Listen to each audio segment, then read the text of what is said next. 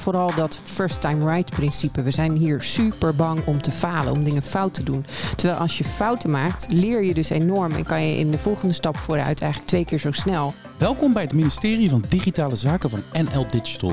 Ik ben Robin Rotman en samen met Lotte de Bruin van NL Digital heb ik dit gelegenheidsministerie opgericht. Ik loop regelmatig naar ministeries om uitzonderingen te bepleiten voor het MKB. En dat begrijp ik nog steeds niet, want wij zijn niet de uitzondering, wij zijn de regel. Als je nu regels maakt die moeten voorkomen dat grote bedrijven dingen niet goed doen of dat daar bepaalde ontwikkelingen worden aangejaagd. Maar diezelfde regelgeving verklaar je ook van toepassing op dat hele MKB, sla je dat MKB hartstikke dood. Elke aflevering praten wij met deskundigen, betrokkenen en omdenkers over de belangrijkste thema's rond digitalisering. En vandaag is de gast Jacco Vonhoff, voorzitter van MKB Nederland. Op jullie eigen website valt te lezen dat jij als gesjeesde rechtenstudent met de ervaring dat werken voor een baas niets voor jou is, jij een bestelbus en een ladder kocht en voor jezelf begon. Je eigen zaak bouwde je vervolgens uit tot een middelgroot schoonmaakbedrijf en hiermee maakte je vrijwel alles mee wat een ondernemer mee kan maken. Daar horen wij straks natuurlijk heel graag meer over. Maar vandaag bespreken we natuurlijk vooral de impact van digitalisering en misschien ook wel het gebrek of de kansen van digitalisering op ondernemers. De glazenwasser die een schoonmaak-imperium opbouwde. Dat is toch gaaf Klinkt eigenlijk, goed, hè? Ja. Hoe digitaal ben jij zelf eigenlijk? Ehm, nou, ik, ik, redelijk. Ik ben wel iemand die graag alles als eerste wil hebben. Uh, maar ik weet niet altijd als eerste wat ik er precies mee moet. Uh, dus, uh, dus, laten we zeggen, ik ben in de aanschaf altijd wel een voorloper. Een gadget freak ben jij eigenlijk? Ja, ik, ik was, je begon net over mijn begin. Ik weet nog dat, ik, dat de eerste mobiele telefoons op de markt kwamen in die tijd. En ja, dan moest ik altijd wel de nieuwste. Hè? En dat waren vroeger die Nokia's van 3 ki kilo. En daarna de eerste Motorola met zo'n klepje.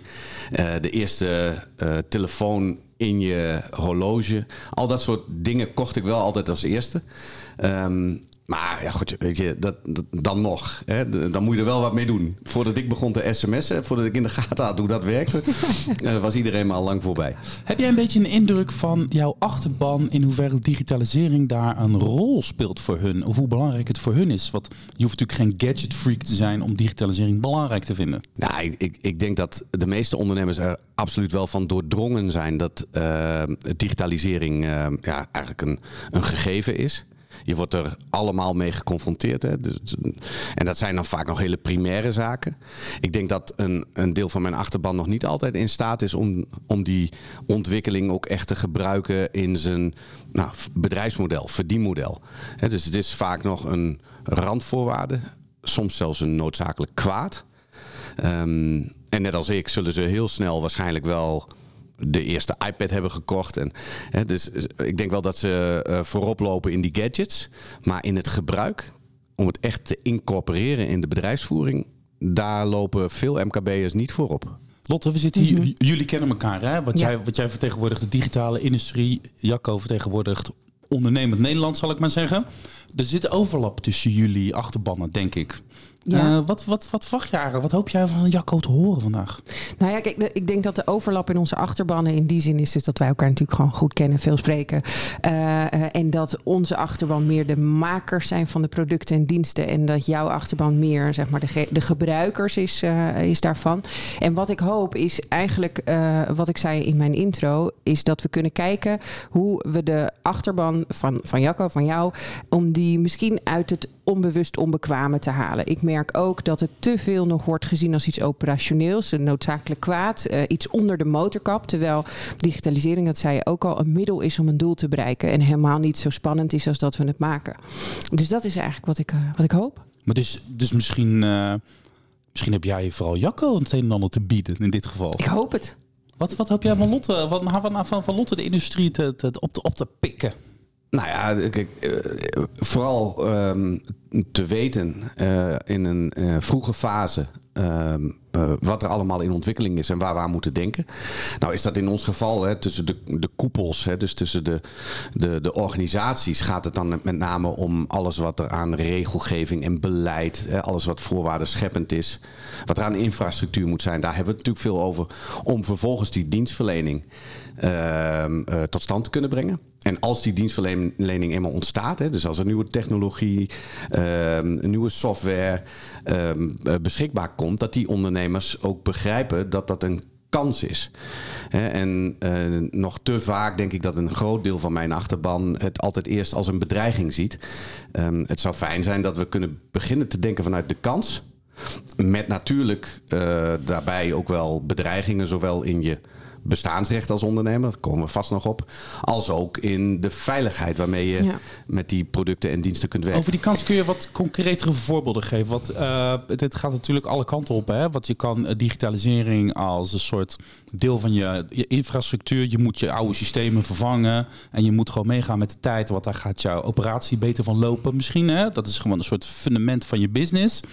Maar je, je, je kan ook kansen zien als van oké, uh, MKB'ers, er komen, er komen allemaal nieuwe technologieën. Daar kan je gewoon knaken mee verdienen. Weet je wel? Dat is gewoon de, de, dus de digitalisering zelf als een kans. Als kans. Heb jij een beetje een, kan jij een beetje schetsen hoe de, geef eens wat voorbeelden hoe jullie daarmee omgaan, hoe jij dat ziet? Nou, wat, wat van belang is, is dat je altijd in de gaten houdt dat, uh, uh, ja, eigenlijk net, net, net als bij heel veel ontwikkeling, je altijd voorlopers hebt. Uh, ook in het MKB. En ik denk dat een deel van die voorlopers sowieso natuurlijk in de, in de achterban uh, van Lotte zitten. Um, en dat gaat om ontwikkeling, dat gaat om mensen die kansen zien voordat anderen ze überhaupt nou ja, bedacht hadden. Hè. Dus de echte voorlopers. Nou, uh, ik denk dat ze daar bijvoorbeeld bij, bij, bij, bij de start-up community moeten zijn. Dan krijg je een groot peloton. Dat zijn uh, MKB-bedrijven die nou, heel adaptief zijn. Die die eerste ontwikkeling misschien niet kunnen doen of, of, of laten gebeuren. Maar heel snel zijn in het, in het uh, absorberen daarvan. Die voelen intuïtief aan, we moeten ja, iets mee. Ja, en die, die hebben ook het vermogen, denk ik, om, om sneller te schakelen. Om die nieuwe businessmodellen, dat nieuwe knakenmodel uh, sneller te zien. En dan komt er een hele grote groep uh, bedrijven ja, die daar toch wat wijfelend tegenover staan. Omdat hun oude businessmodel daardoor ophoudt te bestaan. Of omdat ze de middelen niet hebben of de kennis niet hebben uh, om daarin mee te gaan. En die zien het al heel gauw als een bedreiging. En het is denk ik aan ons om ervoor te zorgen dat we die middengroep natuurlijk, hè, dat die zo groot mogelijk wordt. En dat we die achterblijvers in de stand krijgen. Dat ze aan gaan haken. En die achterblijvers, kun je, kun je een beetje schetsen, wat zijn dat dan voor mensen? Zijn dat weet ik veel, de kapperszaak om de hoek. Die denkt, fuck die digitalisering. Wat, wat, wat, wat, hoe ziet die groep eruit? Heb je daar nou, een beeld dat, van? Dat is heel divers. Omdat, hè, want uh, ik denk dat je in dat, ditzelfde fenomeen eigenlijk in elke branche op dezelfde manier ook optreedt. Hè. Dus diezelfde normaalverdeling vind je ook bij de kappers. Er zullen kappers zijn die al heel ver zijn met apps waarbij jij, nou, in jouw geval... Ja, kan, dankjewel, kan dankjewel, dankjewel. dankjewel. Maar in jouw geval ja, niet heel veel uithalen. Maar, ja, maar zoals ik bijvoorbeeld, hè, zo langzaam grijs aan het worden. Oké, Nee, maar oké, ga door.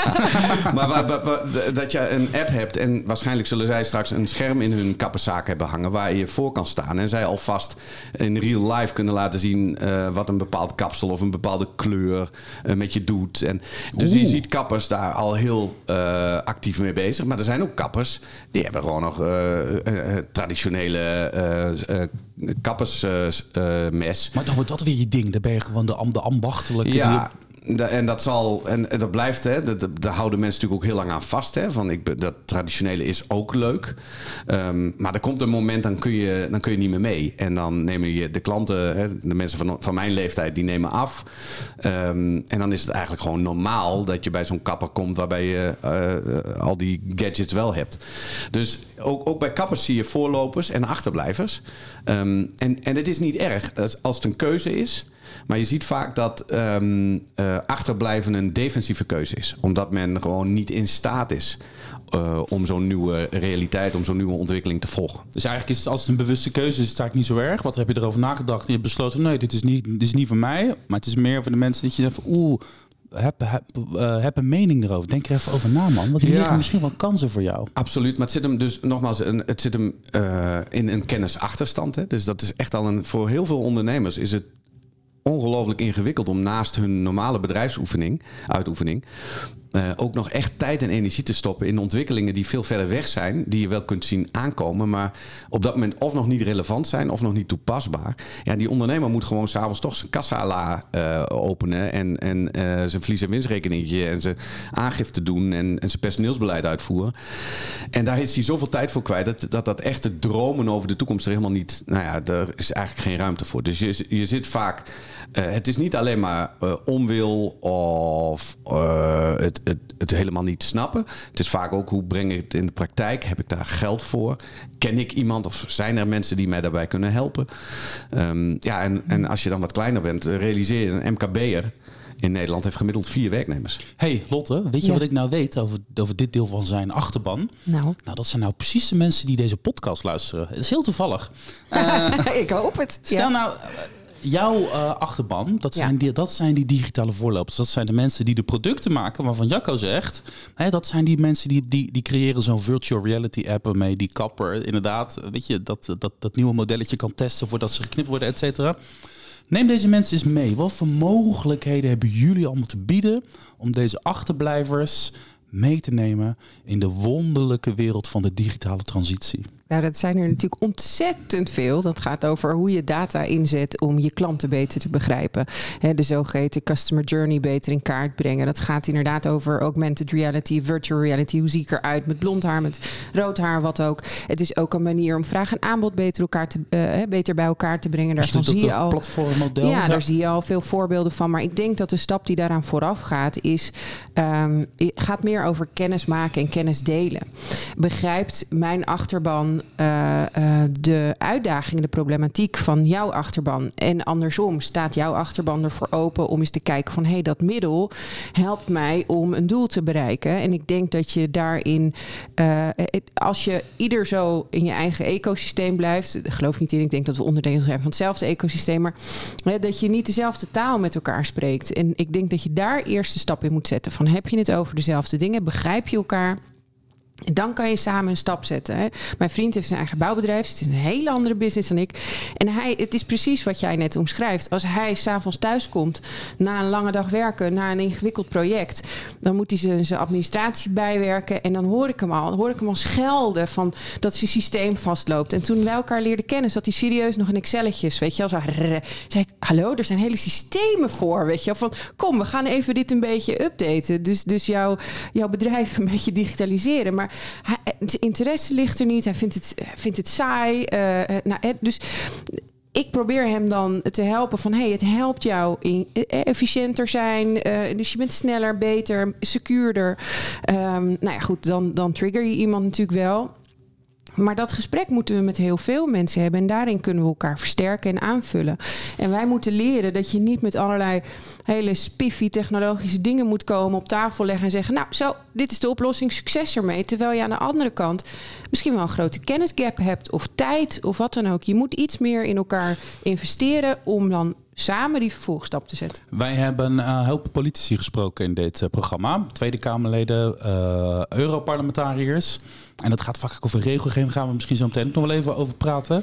Maar wat ik, als het gaat over de kansen benutten en uh, meegaan in de vaart der volkeren. Het is echt eigen verantwoordelijkheid eigenlijk. Of zie jij nog een rol van de overheid om, om, om hier een soort faciliterende rol? Of is het nou eindelijk eens een keer iets over zeggen van nou weet je wat, dit gaan we lekker zelf fixen? Nou, ik ben sowieso voor dit gaan we lekker zelf fixen. Heel goed. Dus uh, wat, wat, mij betreft uh, sowieso ook vanuit MKB Nederland onze agenda voor COVID zat heel sterk op oplossingen uh, aanreiken in de plaats van alleen nog maar problemen adresseren. We hadden sowieso bedacht van uh, het heeft geen zin om de hele dag naar ministeries te lopen om uitzonderingen te bepleiten voor MKB-ondernemers of om uit te leggen waarom dingen niet moeten. Wij willen juist uitleggen waarom dingen wel moeten. En vooral, uh, vooral ook zelf oplossingen aandragen.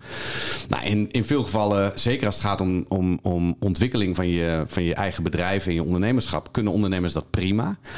En waar heb je de overheid bij nodig? Dat is of om ergens een onrendabele top af te financieren. Dus als een stap van het een, ene model naar het andere model ja, te veel van je vraagt om te kunnen zetten in je eentje, dan, uh, dan zou het mooi zijn dat, er, dat daar wat uh, stimuleringsmaatregelen zijn, subsidiemaatregelen voor de overheid. Um, en aan de andere kant uh, dat gelijke speelveld. En daar zul je het ook veel met die politici over gehad hebben. Dan gaan we het misschien als straks over Europa nou, gaan. Als ik het er niet over gehad had, had Lotte het er wel over. Want, want dit is een stokpaardje voor. Nee, maar dat is voor ondernemers natuurlijk belangrijk. Hè? Dus ja. dat je weet dat, dat, dat, dat, dat als je dan dingen doet, dat, dat, nou, dat, dat, dat je concurrenten uh, op andere plaatsen, in andere landen of op andere werelddelen. ehm, ja, ongeveer aan diezelfde regels moeten voldoen. Of in ieder geval dezelfde uitdaging hebben. En dezelfde infrastructuur ter beschikking krijgen. Dus Ja. de overheid, wat mij betreft, is verantwoordelijk voor de infrastructuur. Zowel aan de regelgevingskant als aan de harde infrastructuur. Dus nou, daar zijn we in Nederland eh, in de gelukkige omstandigheid dat we dat goed voor elkaar hebben. Eh, kan altijd beter, want we moeten koploper blijven. Eh, vooropgesteld dat.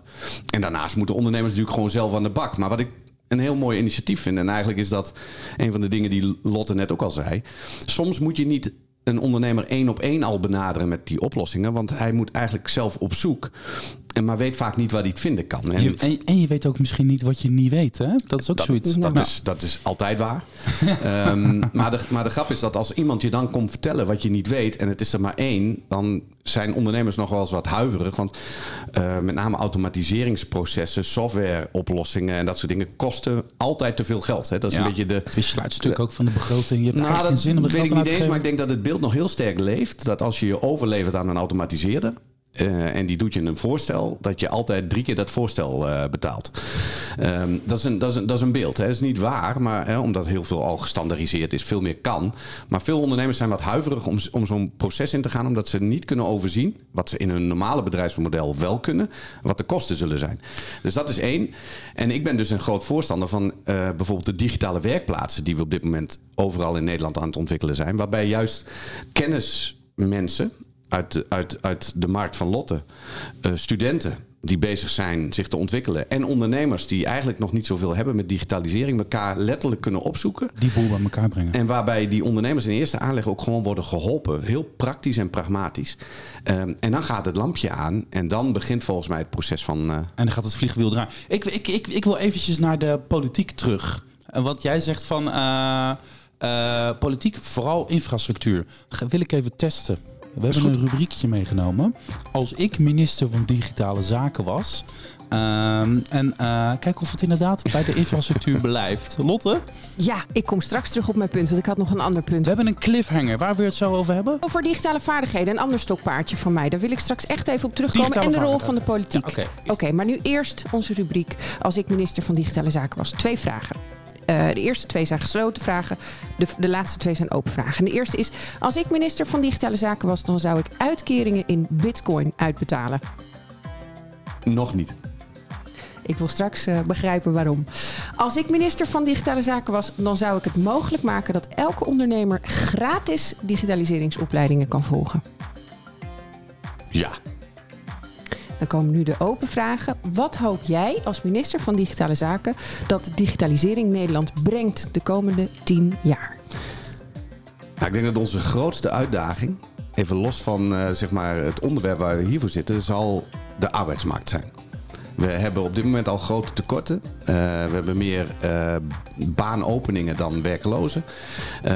Structureel zien we dat we met z'n allen ouder worden. En dat onze beroepsbevolking afneemt. Dus de oplossing is productiever worden.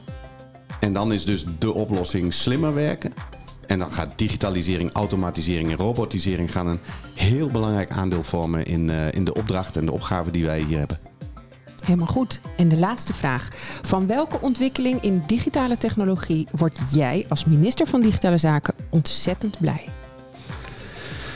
Ehm, ja, nou dan, dan, dan, eh, dan ga ik eigenlijk weer terug naar de eerste vraag. Kun je daar ook een vervolg op geven? Kijk, Oh, eh, ja.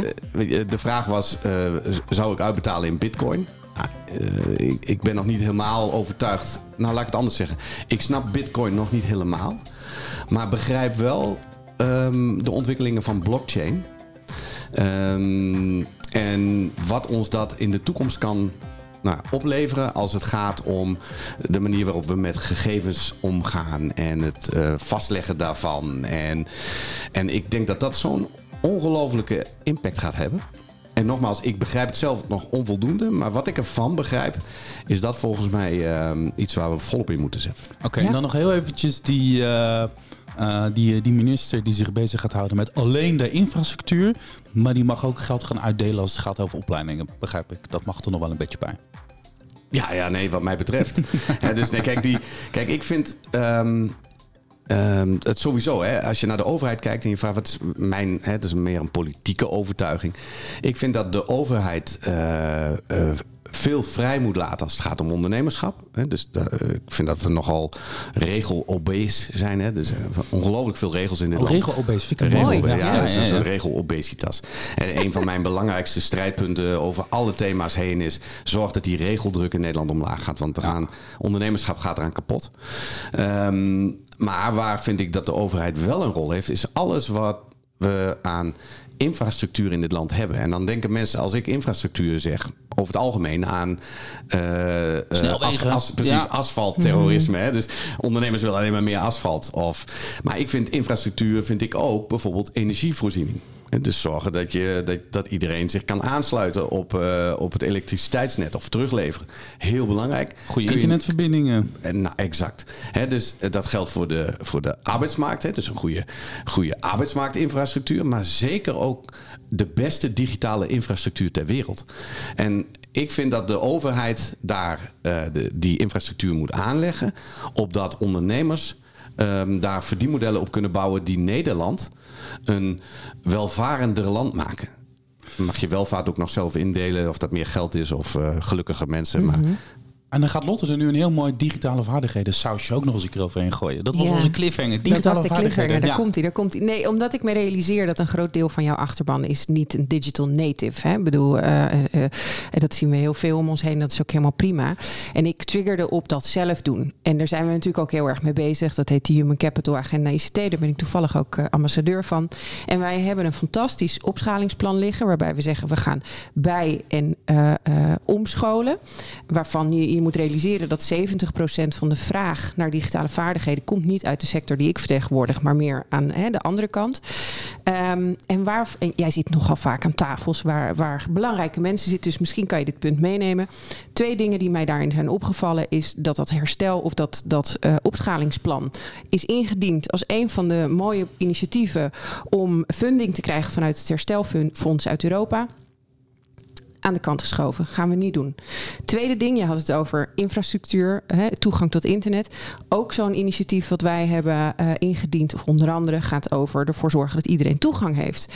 Hè, die buitengebieden versneld aansluiten. eh, zeg maar ook aan de kant geschoven. En er worden andere plannen die er al lagen, die wat mij betreft net even wat minder impact hebben op die infrastructuur of vaardigheden, die krijgen dan voorrang. En ik dacht, ehm, ik ben met jou eens dat de politiek gaat over de randvoorwaarden. Jij zegt infrastructuur, maar ik denk ook dat dat over vaardigheden, dat gaat over veel meer dingen. Hoe zouden wij nou er misschien wel samen voor kunnen zorgen dat dat wat meer tractie krijgt? Hoe zie jij dat? Wordt het besproken aan de tafels waar jij aan zit? Wat zouden we beter moeten doen om onze boodschap eigenlijk over de bühne te brengen? Ehm, nou, dat is eh, eh, samen hier nog eens een keer een uur eh, langer over praten. Ehm, maar ik deel helemaal je mening dat je je soms kunt afvragen of men de prioriteiten wel helemaal goed heeft. Hè, dus ik begin wederom over infrastructuur, digitale infrastructuur, maar ook human capital is ook infrastructuur. Precies. Ehm, en volgens mij kun je alleen ehm, een beter verdienmodel bouwen, hè, ook als bedrijf, als je zorgt dat de randvoorwaarden waar, waarbinnen je dat doet optimaal zijn. Ehm, en als je ziet dat de wereld steeds verder digitaliseert, als je ziet dat op termijn in ieder geval de, de, de toekomst van ongeveer elke branche eh, aan die digitale kant zit, aan die ontwikkeling. Ik heb het net al gezegd over de tekorten op de arbeidsmarkt. Hè. Als je daar wat mee wil, zul je productiever moeten worden. Moet je dus die kant op. Maar ook als het gaat om eh, nieuwe verdienmodellen voor de toekomst, die duurzamer zijn, moet je die kant op. Ja, dan, dan moet de basisinfrastructuur op orde zijn. Anders krijg je congestie of je krijgt achterblijvers. Ehm, en voordat je het weet, hadden we een enorme voorsprong. En volgens mij was dat de wet van de remmende voorsprong. Als je denkt dat het nu op orde is, dan heb je waarschijnlijk gelijk, maar over vijf jaar loop je achter. Ja. En ik denk dat wij altijd, kosten wat het kost, voorloper moeten zijn. Want als die infrastructuur er ligt, ontstaat die nieuwe ontwikkeling veel sneller. En ga je ontwikkelen ehm, ja, wat je voor de toekomst nodig hebt. En gaan bedrijven ook, hè, ook in die buitengebieden, ga je dan ondernemerschap vinden. Wat zich doorontwikkelt. Wat nu misschien nog over een koperdraadje moet. En wat voor geen ene meter wil. Ja, dat sluit je aan en Ja. geef je de ruimte om te gaan vliegen. Nou, Ja. ik denk dat dat gewoon heel belangrijk is. Ik hoor dat wij hier samen nog eh, Ik hoor het ook. Veel, veel dingen om Nog gaan een doen. uurtje over verder. Oké, Jacco, toch even die regeltjes. Hè? En je noemt infrastructuur. Nou, je blockchain noemde je. Dat is ook een deel van die infrastructuur. Maar eh, ik heb ook geleerd de afgelopen paar maanden bij de interviews met al die Europarlementariërs en de Tweede Kamerleden. Ik haal even Barbara Katman aan. Zij is eh, PvdA-Kamerlid, voormalig wethouder in de mooiste stad van Nederland, Rotterdam. Eh, en zij zegt, de overheid loopt vaak als Daar, een... daar, daar, daar, daar, daar, daar zullen de meningen uiteenlopen. Maar het is een mooie stad. ja. De overheid loopt vaak als een ziek paard achter de ontwikkelingen aan te lopen te lopen. Nee, maar weet je, je snapt wat ik bedoel. Hè? Er komen ontwikkelingen aan, technologie, AI, eh, nou, noem het allemaal maar, maar, maar op. En de overheid is eigenlijk altijd een beetje te laat. Eh, maar, maar dat is misschien helemaal niet zo erg, want we hebben die regels misschien helemaal niet nodig. Maar dat is ook, ook niet waar, want we willen dat de privacy geregeld wordt. Er komt uit Europa komt de regelgeving om eh, cybersecurity, zeg maar, eh, af te dwingen bijna. Zoals de GDPR de, de, de privacy afdwingt, moet cybersecurity... Dus dat is wel regels, regels, regels eigenlijk. Maar ik, ik, ik ben het er wel mee eens, geloof ik. Met, met Barbara. Nou ja, dat die regels er komen en dat de overheid regie moet houden, dat daar echt voorop moet gaan lopen en moet gaan nadenken. Kom op man, dit komt er allemaal op ons af en we, we moeten dat niet, niet, het moet het is niet allemaal zomaar maar overkomen. We moeten daar echt wel wat van vinden. Dus, maar dat betekent wel regels eigenlijk. Ja, kijk, eh, kijk, regels zijn niet slecht. Hè? Dus ondernemers zijn ook niet tegen regels. Ehm, regels ordenen onze samenleving. En ik denk dat wij, ieder van ons individueel, altijd wel in situaties komt dat je denkt van waarom staat die auto op mijn parkeerplek? Ik wil een, hè, er, er moet een regel zijn dat dat niet kan. Eh, en dan vinden we regels in één keer heel belangrijk. Nee, het gaat erom, wij maken ook heel veel regels die goed bedoeld zijn, maar slecht uitpakken. En dan zijn het nog steeds slechte regels. Hè? Ze waren wel goed bedoeld. Ehm, en regels die niet goed werken, moet je ook weer opruimen. Nou, de overheid heeft er een handje van om steeds nieuwe regels te bedenken. Dat is prima voor nieuwe situaties, want dat, daar hebben we ordening nodig. Maar dan moet je ook oude regels afschaffen. Want het, de cumulatie, de opeenstapeling, breien moeten- ja, dat moet precies. ophouden. En dat je in deze nieuwe wereld, deze nieuwe werkelijkheid ook weer ordening zoekt, dat snap ik heel goed. En dat heigende paard, dat herken ik in die zin dat over het algemeen de maatschappelijke discussie al aan de gang is. Dat we allemaal al zien dat er ergens regulering of in ieder geval eh, harmonisering nodig is. Hè? Want met name dat is belangrijk, dat je in Europa gewoon één lijn trekt. En dat je niet als Nederland eh, eigenstandig weer allerlei koppen op Europese wetten eh, zet. Of vooruitloopt op Europese regelgeving en dan een beetje het braafste jongetje van de klas bent. Maar in dat licht is het bij de overheid met name het proces om tot bes- besluitvorming te komen, dat duurt te lang. Hè, dus die, dus men, men, men ziet het wel. Ik denk dat heel vaak, hè, want we doen net of, die, of er bij de overheid alleen maar eh achterlijke mensen zitten. Dat is niet waar. Daar zitten hele slimme mensen op die ministeries die ook heel goed inzien wat er speelt. Maar juist door dat hele bureaucratische proces ehm, zo ver in de tijd eh, op achterstand komen. Dat, ze, dat, dat de ontwikkelingen alweer ver voorbij zijn. voordat ze uiteindelijk tot executie komen. Et cetera. Ja. En we en eigenlijk alweer iets anders nodig. Ja. Die, ehm, eh, die politici die we spraken, die hebben het ook vaak over onze afhankelijkheid van eh, Amerikanen, van Chinezen, techreuzen. Nu ben jij natuurlijk de man die als geen ander de dynamiek kent van het ondernemerschap. Eh, en al die techreuzen, die grote bedrijven waar we misschien te afhankelijk van zijn. Ik weet het eigenlijk niet zelf of dat wel zo is, maar oké.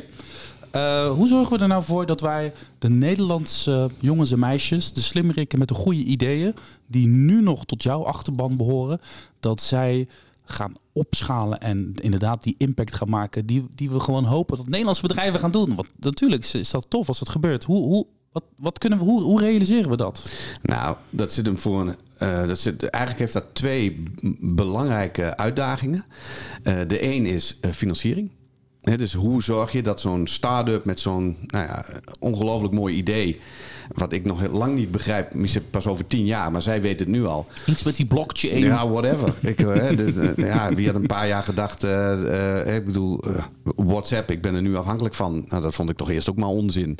Of hoe doe ik dat tegenwoordig met Tiki en, en, en, en, en WeTransfer. Al die dingen die we bedenken, waar ik nooit behoefte aan had totdat het er was. En dan moeten eerst andere mensen mij daar nog op wijzen. Hè? Dus je moet eerst Maar goed, de financiering had je over. ja, ging- financiering is een heel groot financiering. kijk, je ziet dat in Nederland hebben we veel van die, van die start-ups. Mensen met unieke ideeën. Dat kunnen wij, wij zijn heel creatief in dit land. Vind creatief het meest onderschat, de meest onderschatte competentie die we hebben. Wij zijn ongelooflijk creatief en bedenken dus hele leuke dingen. Ehm, maar als het gaat om financiering zijn we juist helemaal niet creatief. Dus je ziet dat, dat men hier al heel snel aanloopt tegen de eindigheid van, van, van de groei die ze nodig hebben. Maar komt het door de banken of komt dat door Nou, de dat zit overheid? hem- Komt dat zit- door de ja. manier waarop de dingen nou, heel, op heel veel terreinen. Het zit hem inderdaad in het feit dat wij eigenlijk maar eh, drie grote banken hebben. Eh, redelijk dominant. En dat we ook wel heel erg afhankelijk zijn in dit land van bankfinanciering. Dat, dat kun je onszelf eigenlijk wel kwalijk nemen. Maar we hebben weinig alternatieve vormen van financiering. En we hebben heel erg weinig echt risicogeld. Ehm, en dat zit hem voor een deel omdat het in Nederland niet zo interessant is. En voor een ander deel omdat we natuurlijk ook maar een klein land zijn. En ook niet van die heel, hele grote zakken met geld altijd hebben. Merk je dat ook, Lotte, de- Ja. deze verhalen? Wat, Ja, dat klopt. Het is eh, ook, vanuit, ook wel vanuit de overheid een bepaalde voorzichtigheid. En eh, vooral dat first time right principe. We zijn hier super bang om te falen, om dingen fout te doen. Terwijl als je fouten maakt, leer je dus enorm. En kan je in de volgende stap vooruit eigenlijk twee keer zo snel. En dat is iets, een bepaalde voorzichtigheid die erin gebakken zit. Zowel bij zeg maar, de banken als eh, verstrekkers van financiering. Maar ook vanuit de politiek. En We hebben allerlei, de, de Bijvoorbeeld. Ehm, hè, dat is een, een, een- regel of een, een subsidie, een fondsachtig iets waar je als ondernemer terecht kunt om geld eh, eh, te krijgen voor, eh, voor ontwikkelingen. Nou, daar komt de AI, eh, wordt je, daar word je op afgewezen nog steeds als toepassing, omdat dat niet in het woordenboek voor, voortkomt. Oh ja, ja. Nou, dat soort dingen. Dus het is enerzijds visie hebben en ervoor zorgen dat je regels flexibel zijn, dat je ze aan kunt passen. Dus dat dat schaalbaar is. En twee is, ja, we moeten af van dat alles altijd maar in één keer goed moet. En dat is natuurlijk ook onze politieke realiteit. Als je op je snuffert gaat, ben je meteen af. dan lig je eraf, ja. Dat helpt Ja, niet. maar, eh, de, de, de, de Anglo-Saxische landen noemen dat burn money. De, ehm, Ja. ja. en, en, en eh, je kunt dan wel afvragen van ja, burn money.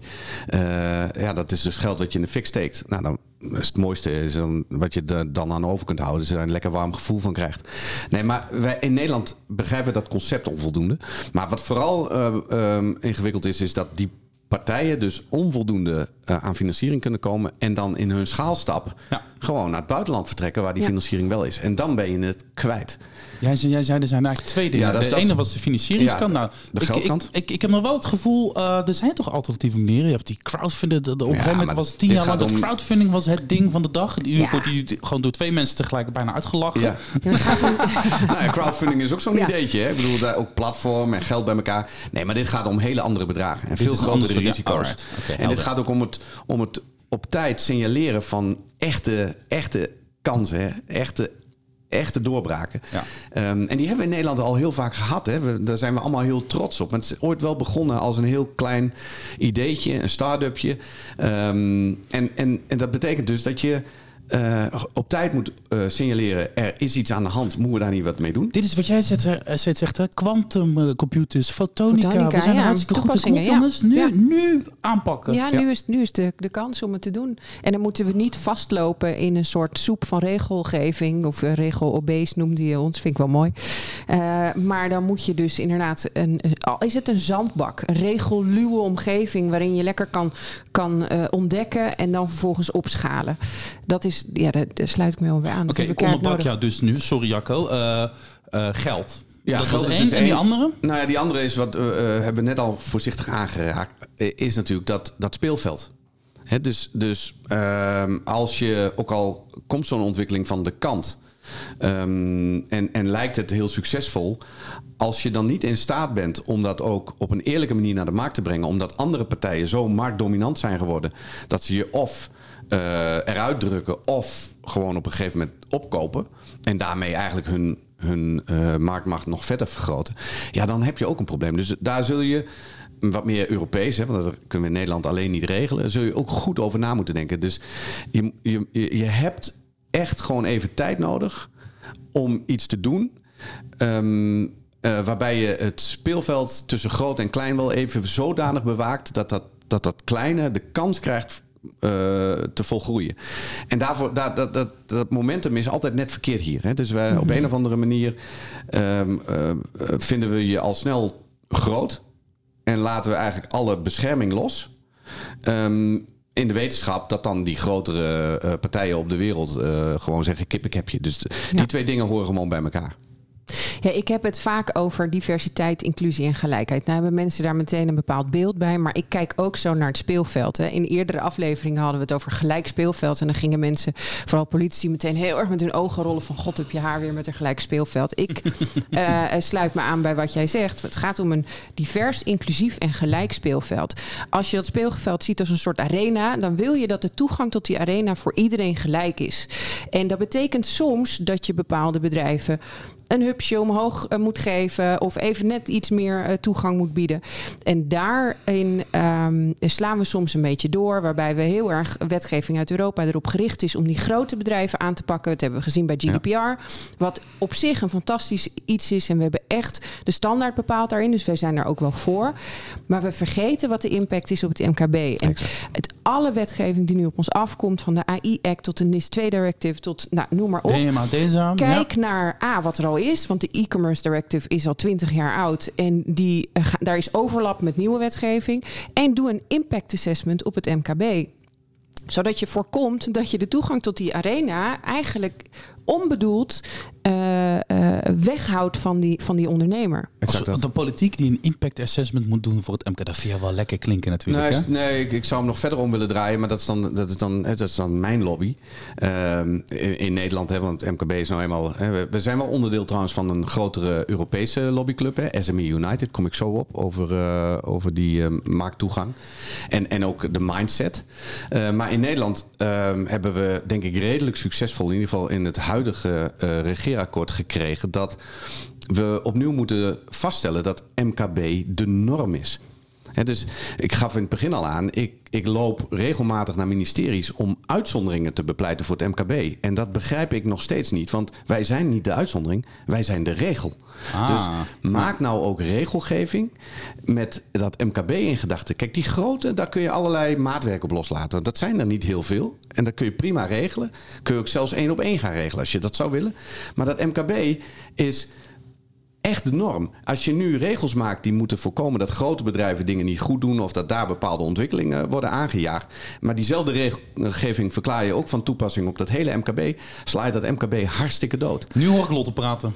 Nee, ja, kijk, ik, ga, ik zit helemaal te stuiteren. Want toevallig, ik heb hier gisteren een gesprek over gehad in mijn team. Het ging over van, wij hebben best wel een imago-uitdaging dat wij er alleen zijn voor de grote. Terwijl wat jij zegt, 96% van onze achterban is de, de, de ICT-ondernemers, zoals wij ze noemen.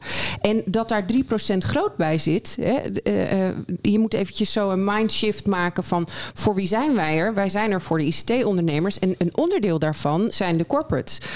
Dus ik sluit me helemaal aan bij zeg maar, dat, dat, dat omschakelen of dat doordraaien van eigenlijk is ons perspectief dat van de ondernemer. En een onderdeel daarvan is, is het grootzakelijke.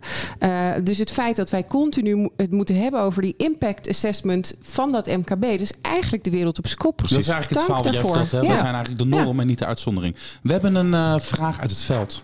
Lotte is altijd zo vriendelijk om eventjes het veld in te duiken. En uh, een vraag mee te nemen van haar achterban. Wie heb je dit keer meegenomen? Nou, dit keer is de gelukkige mijn collega Jelmer Schreuder. En hij heeft twee vragen. Uh, of nou ja, twee observeringen misschien. De eerste is: cybersecurity en het MKB blijven een zorgpunt. Want juist zij kunnen aanlokkelijke doelwitten worden voor bijvoorbeeld ransomware-aanvallen. En de vraag is dan: hoe overtuigen we het MKB ervan dat de buurjongen of het softwarepakket uit 1999 echt niet meer kan? Ja, dat is, dat is best wel een uitdaging. Uh, omdat veel MKB'ers namelijk denken, ik ben geen uh, doelwit. Het is het idee dat er valt bij mij niks te halen. Uh, want wat heb ik nou? Ik heb helemaal geen groot tegoed op de bank staan, als dat al een risico zou zijn. En wat moeten ze nou met mijn informatie? Ik ben zelf ooit een keer helemaal in het begin gehackt met een Locky-virus. Um, was alles kwijt. Dat, ik zal het hele incident niet beschrijven, want uiteindelijk lag het het probleem ook bij uh, het uh, datacenter waar we, waar we onze server hadden staan. Maar lang verhaal kort, een paar ton schade. Mm -hmm. En uh, ja, weet je, als ondernemer ervaar je dan pas wat er gebeurt als al je bestanden op slot staan. Hè? Dat je niet eens meer in je offertes kunt kijken of in je geschiedenis van je administratie. Um, En ik denk dat veel MKB-ondernemers zich dat niet realiseren, wat dat betekent. Nou, dat is één. En aan de andere kant is het ook best nog wel ingewikkeld om die bedreiging um, zichtbaar te maken. We, we hebben allemaal wel zo'n zo'n zo'n zo'n mailtje gehad waar dan toevallig iemand op klikt of zo. Maar de echte aard van die bedreiging is niet alleen maar de, de hacker die uh, software uh, met ransomware uh, dichtgooit en dan geld van je vraagt. Het is tegenwoordig ook uh, internationale veiligheid. Hè. Dus er, zijn, er is uh, nogal wat aan de hand in de wereld. Uh, en je kunt ook zomaar het slachtoffer worden van wat er nu multilateraal gebeurt. Um, en dat dan in één keer al die systemen down zijn. Mm -hmm. En ik denk dat het belangrijk is dat we ondernemers duidelijk maken dat het op orde hebben. Dat, je, dat, dat, dat mensen heel lastig bij je binnen kunnen. En dat je in ieder geval ook je data op een veilige manier ergens uh, opslaat. Ja, dat zou dikke winst zijn. We hebben zelf vanuit MKB Nederland een uh, platform um, uh, over, over cybersecurity. samen digitaalveilig.nl heet dat. Um, en dat is een soort eerste nou ja, entree voor ondernemers om eens te gaan kijken van joh Tips en tricks. Ja, tips heel, heel simpel. Een hele ja. eenvoudige besluitboom. Ben ik dit? Kom ik daar? Uh, uh, gebeurt dit bij mij? Ben ik hier uh, kwetsbaar? En dan staat er bijvoorbeeld ook om. Maak even inzichtelijk of wat, wat, wat, hoe je in die digitale Precies. wereld zit. Weet, weet waar het over gaat. En waar je kwetsbaarheden zitten. En misschien ook gewoon. je weet wie je moet bellen als brand uitbreekt. Exact. Heb gewoon in ieder geval een telefoonnummer. Dat als een keertje dat hele grote vraagteken op jouw beeld komt. Of er rolt een papiertje uit wie de printer. Je, je, bent gehackt. Ja. Betalen met die bitcoins. Uh, dat je weet waar je moet zijn, überhaupt. Hè? Dat is ook al een ding. Heel goed. Ja. En dat papiertje waarop staat, want dit vind ik altijd leuk. Uh, uh, wat je moet doen, um, leg dat inderdaad als een papiertje ergens neer en sla hem niet op op je computer, want je kan er niet meer bij. Nou ja, dat is een beetje flauw. Maar, maar het is wel wat het is. je maar, je maar ook. Dus bij ons, uh, kijk, wij, nogmaals, het, uh, zo'n incident is kostbaar. En als je gelukkig in ons geval goed verzekerd bent, dan valt het allemaal mee. Maar de ellende, de koppijn die je hebt van het terugzoeken en het weer herstellen van, uh, van, uh, van, van al je informatie is een enorme ellende. Um, maar ga dan vervolgens ook met je collega's in gesprek. Uh, over hoe dat werkt. Hè? Die, die, die, die, die, die, die, die, die, die phishing mailtjes en, en, en die, die linkjes die je via je telefoon krijgt. Dus wij zijn nu wel en nogmaals, wij zijn een iets groter bedrijf. Maar we zijn nu wel continu uh, mensen aan het trainen op de meest actuele bedreiging en waar komt die vandaan.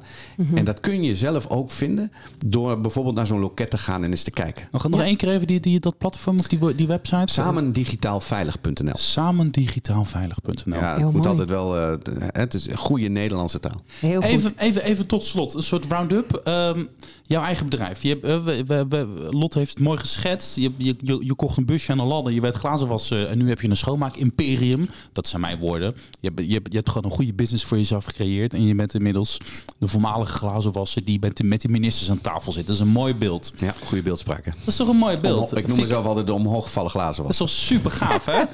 Maar toch, even de digitalisering in jouw business. Ik bedoel, analoger dan schoonmaken en glazen wassen krijgen ze tegenwoordig niet meer. Hè? Dat is super analoog.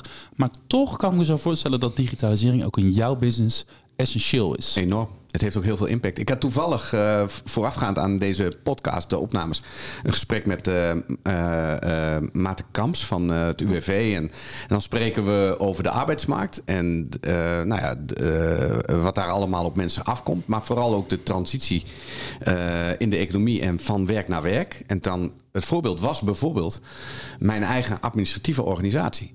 He, zaten wij vijf jaar geleden nog met tien mensen op de administratie. En ik heb ze toen verteld van jongens, let op, er komt iets aan. We hebben nieuwe pakketten aangeschaft.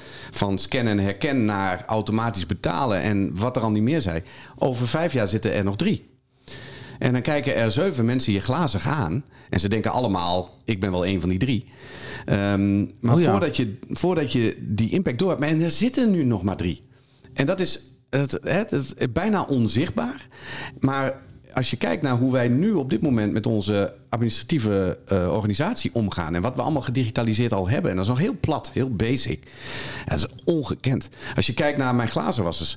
Uh, vroeger, eerder, dan stuurden we ze op pad en hadden ze een klapper bij zich. En daar zaten dan 10, 15, 20 bonnen. We hadden van die bonnen en daar stond dan op wat ze moesten doen. Dat schrijf je altijd, je moet dit doen. En dan gingen ze naar die klant, gingen ze ramen wassen. En dan waren ze klaar en dan kwamen ze terug. En dan hadden ze een handtekening van de klant en het aantal uren dat ze hadden gewerkt. En die bonnen werden allemaal handmatig verwerkt. Ja, tegenwoordig hebben al mijn uitvoerenden, ik heb inmiddels zo'n 2600 werknemers, hebben een app.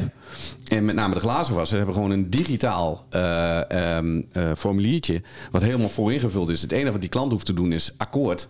En hij is, eigenlijk ligt de factuur een dag later al bij hem op de mat.